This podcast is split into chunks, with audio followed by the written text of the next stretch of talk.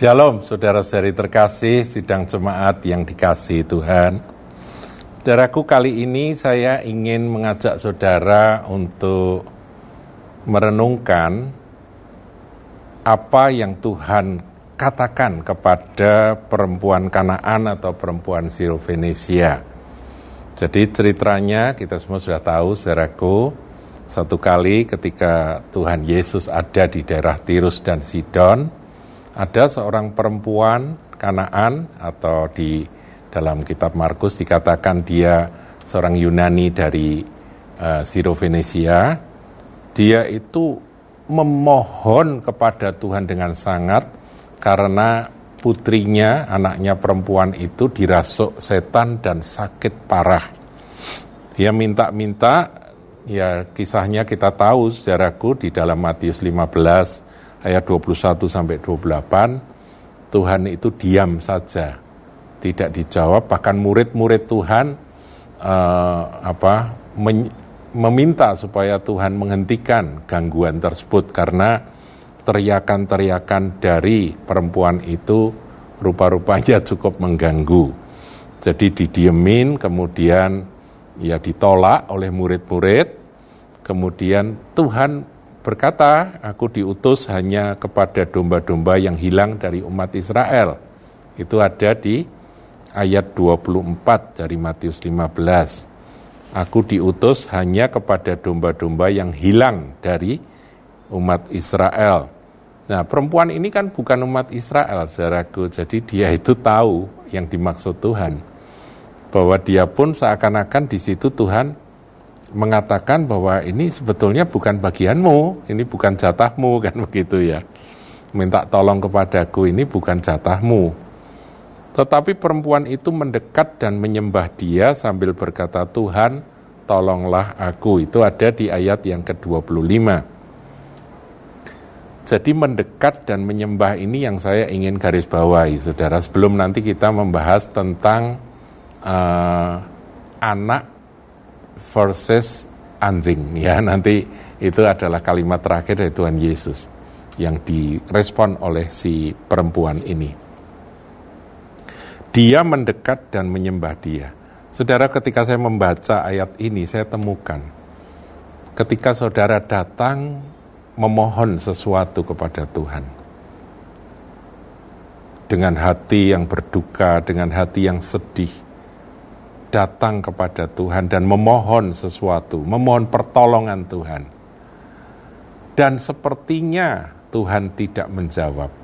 Maka kata kunci yang membuat akhirnya dia berhasil adalah dia mendekat dan menyembah. Menyembah di sini proskuneo. Nah, salah satu menarik ini saudaraku, salah satu uh, apa penjelasan tentang makna proskuneo menyembah itu itu like a dog licking its master's hand. Jadi anjing yang menjilat tangan dari tuannya. Kira-kira seperti itu. Jadi memang proskuneo itu artinya merendahkan diri tapi juga seperti anjing yang begitu tergantung dan mengasihi akan majikannya dan begitu bahagia dan gembira ketika dia bisa dekat dengan majikannya dan dia menjilat-jilat tangan dari majikan yang dia kasihi. Itulah gambaran dari proskuneo, saudaraku. Dijelaskan seperti itu. Nah, dia mendekat dan menyembah Yesus. Saudara, ketika Anda mendekat kepada Tuhan, dalam doamu engkau sungguh-sungguh mendekat kepada dia. Itu langkah awal dari keberhasilan Anda menerima jawaban doa. Kemudian menyembah, nah ini lagi ya, sudah mendekat masih menyembah saudara. Menyembah itu juga secara fisik itu digambarkan dengan dahi yang menyentuh tanah, tertelungkup dengan dahi menyentuh tanah itu e, menyembah saudaraku. Jadi ya lakukan seperti itu kalau saudara datang pada Tuhan. Dan saya mau katakan hati Tuhan pasti luluh ketika anak-anaknya, umatnya, bahkan manusia yang tadinya belum mengenal dia tapi mau melakukan itu. Itu akan membuat hati Tuhan luluh.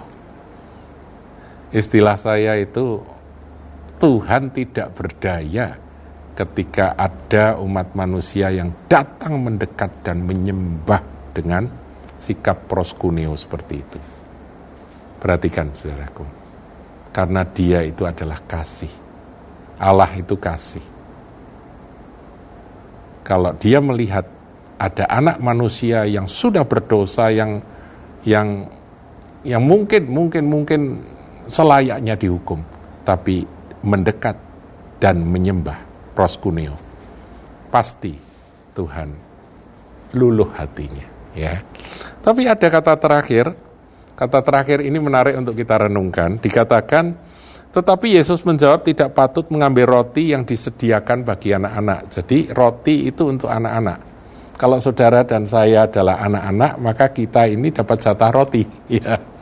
Puji Tuhan, kita ini punya uh, jatah roti. Roti itu apa? yaitu kuasa kelepasan. Ya kan? Perempuan ini kan datang karena anaknya dirasuk setan. Roti itu adalah kelepasan, kebebasan dari segala pekerjaan iblis, itulah roti. Dalam konteks ini, saudara.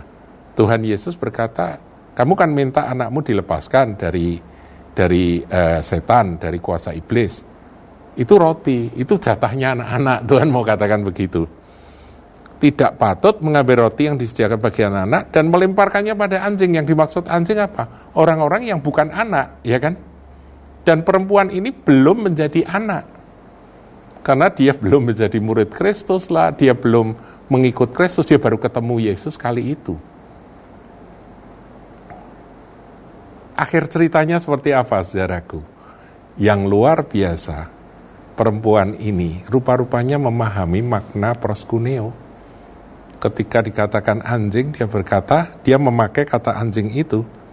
Kata perempuan itu, ayat 27, benar Tuhan namun anjing itu makan remah-remah yang jatuh dari meja tuannya. Jadi kalau dikatakan aku ini yang bukan anak, aku ini seperti anjing, oke, okay, nggak apa-apa tapi anjing pun juga makan roti yang jatuh dari meja tuannya.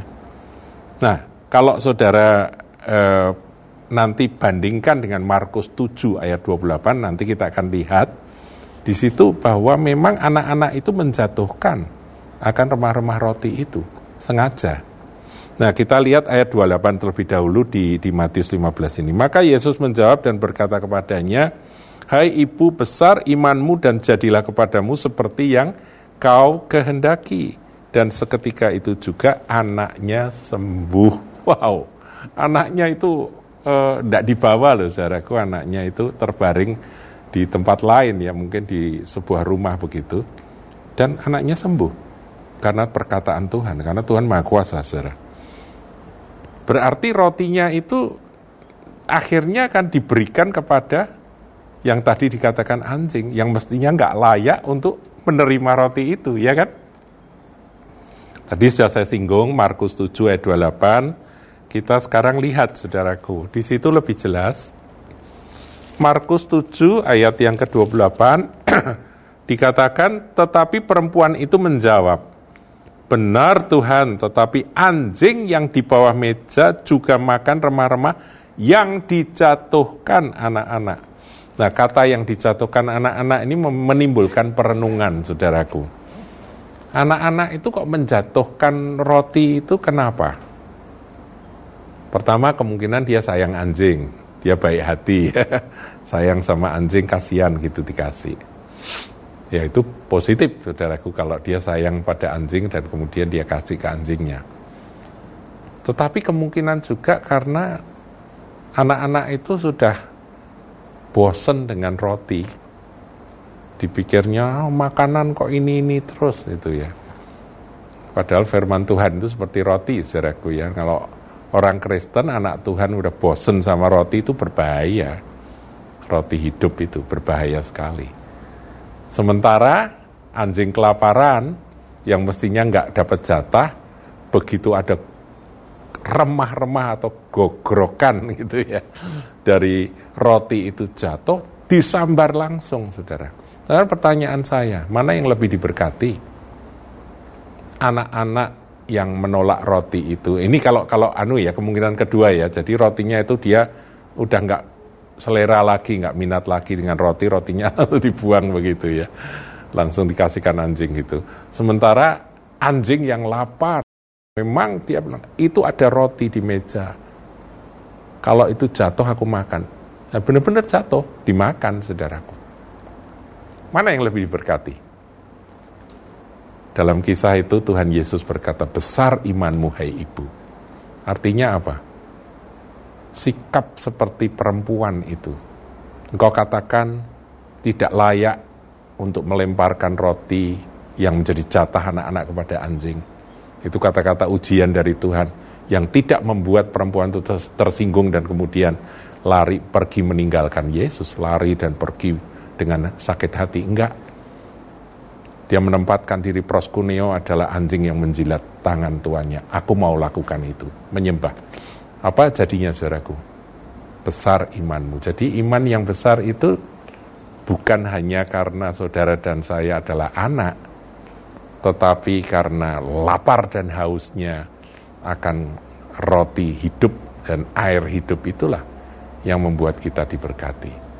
Jadi kita belajar dari perempuan Kanaan, perempuan Siro Venesia ini, dia menerima berkat karena dia rendah hati, dia tidak mundur ketika ada ujian, dan yang luar biasa dia mendekat dan menyembah, ini kata kunci saudaraku ya, mendekat dan menyembah, kemudian ketika uh, Tuhan pakai uh, bahasa perlambang tidak layak untuk memberikan roti yang menjadi jatah anak-anak, bagian anak-anak kepada anjing.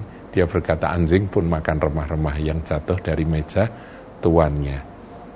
Ya, akhirnya dia lebih diberkati daripada anak. Itu perenungan saya ya kalau anak menolak atau tidak lagi selera dengan roti, itu jangan sampai terjadi dalam hidup kita. Lebih baik jadi seperti ini, anjing yang dia lapar dan dia makan dan dia diberkati. Tuhan pun berkata, besar imanmu, dipuji saudaraku. Haleluya. Saya berharap saudara menangkap ya. Ini kan sering kali eh, orang-orang baru yang mendengar Injil baru pertama kali, tapi karena kebutuhan dia percaya pada Tuhan dan kuasa mujizat terjadi. Sementara orang Kristen yang sudah lama, kadang-kadang kita iman kita kalah sama mereka, saudaraku. Ayo kita belajar dari sikap uh, perempuan Siro Venesia ini. Tuhan Yesus memberkati.